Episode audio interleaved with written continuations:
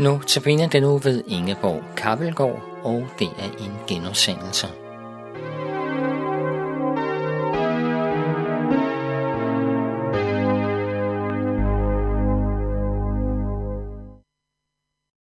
Så siger vi velkommen til denne uges Notabene-portræt. I teknikken sidder Jan Nørgaard, og her i studiet sidder Ingeborg Kappelgaard, som skal holde den næste uges Notabene-udsendelser. Og så sidder jeg her, og jeg hedder Viggo Vive. Til at begynde med, Ingeborg, så vil jeg byde dig velkommen her i studiet. Tak. Det er en fornøjelse for os, at du øh, endnu en gang vil lave Notabene-udsendelser for os. Så tak for det. Øh, og Ingeborg, jeg tror, at det vil være en del af vores lyttere, som kender dig. Mm, ja. Men øh, for dem, der ikke gør det, ja. skulle vi så ikke lige høre lidt om, øh, hvem du egentlig er? Er sådan meget kort. Sådan her fra nutiden. Ja, Ja. ja.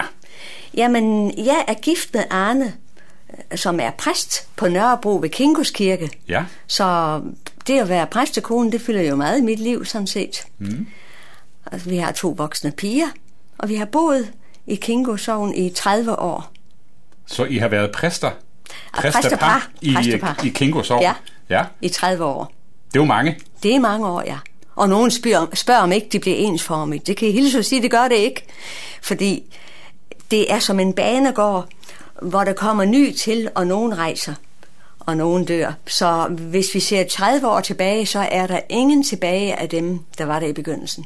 Så der er nye Der udfordringer. er nye udfordringer, og hvis vi går i stå, så skal menigheden nok være der og holde os i gang. Ja. Nu stiller jeg dig et spørgsmål, som Ja. jeg naturligvis ikke ved, øh, om du kan svare på. Ja.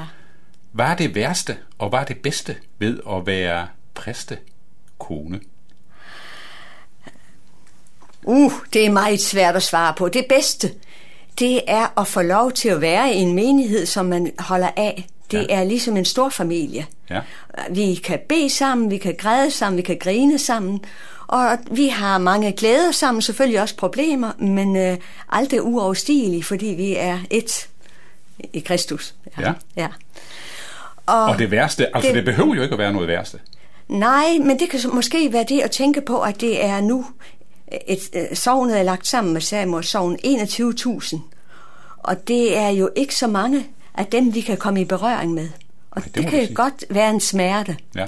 Men vi har god kontakt med naboer, og de ved, at vi er præstefolk, og ja. øh, nogen øh, kommer med dybe ting, Ja. spørgsmål. Ja. Nu nævnte du lige 30 år Ja. Som præstepar Ja. i en sovnekirke. Det er jo rigtig mange år, hvis, i hvert fald hvis man tænker tilbage. Ja. Øh, og jeg tænker jo,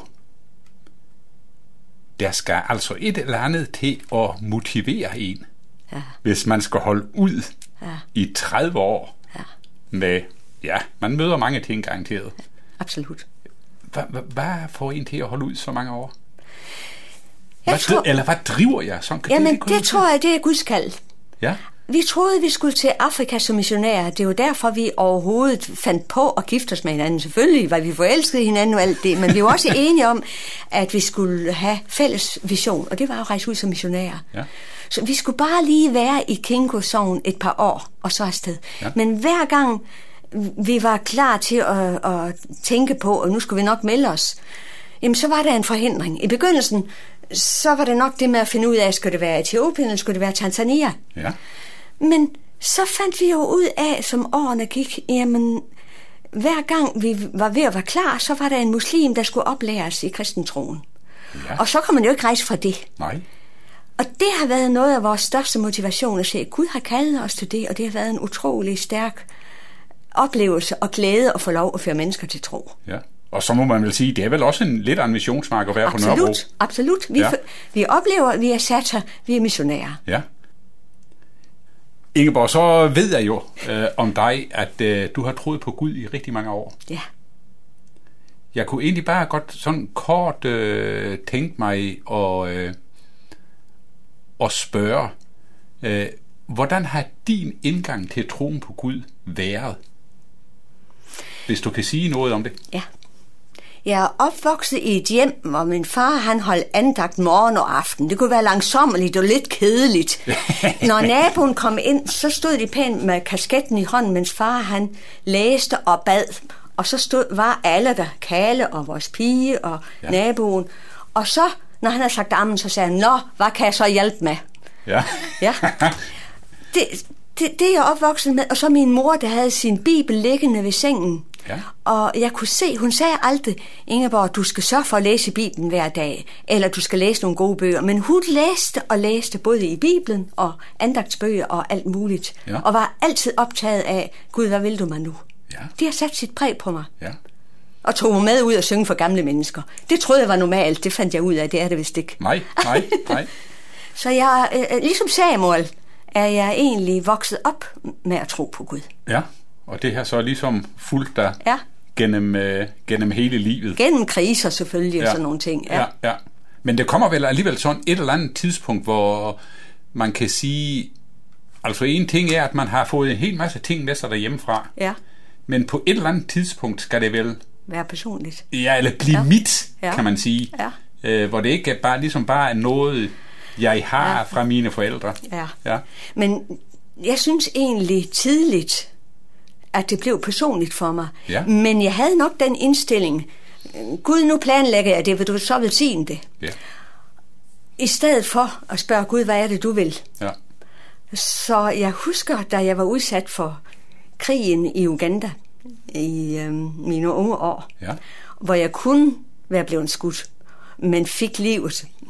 Det er Ja. en lang historie, som jeg ikke skal komme ind på. Nej. Men der kan jeg huske, at jeg råbte til Gud, det er synd for min far og mor, hvis jeg dør her. Vil du Ja. ja. godt lade mig komme godt hjem, så kan du se der. Ja. Og så fra nu af, så vil jeg ikke bede dig om at velsigne mit liv, men så vil jeg bede dig gå foran. Ja. Og hver gang, at jeg glemmer, at det er dig, der styrer, så mind mig om det. Ja. Så det blev sådan set et bevidst Ja. øh, Ja. skub. Et bevidst skub, ja. Ja. ja. Så lige en sidste ting. Ja. Notabene andagterne i næste uge. Har de sådan, øh, hvad kommer de sådan til at handle lidt om? Kan du sige noget om Ja, det? det kommer til at handle om Maria og Martha og Lazarus. Hvordan deres liv er med Jesus. Vi ja. har tre situationer.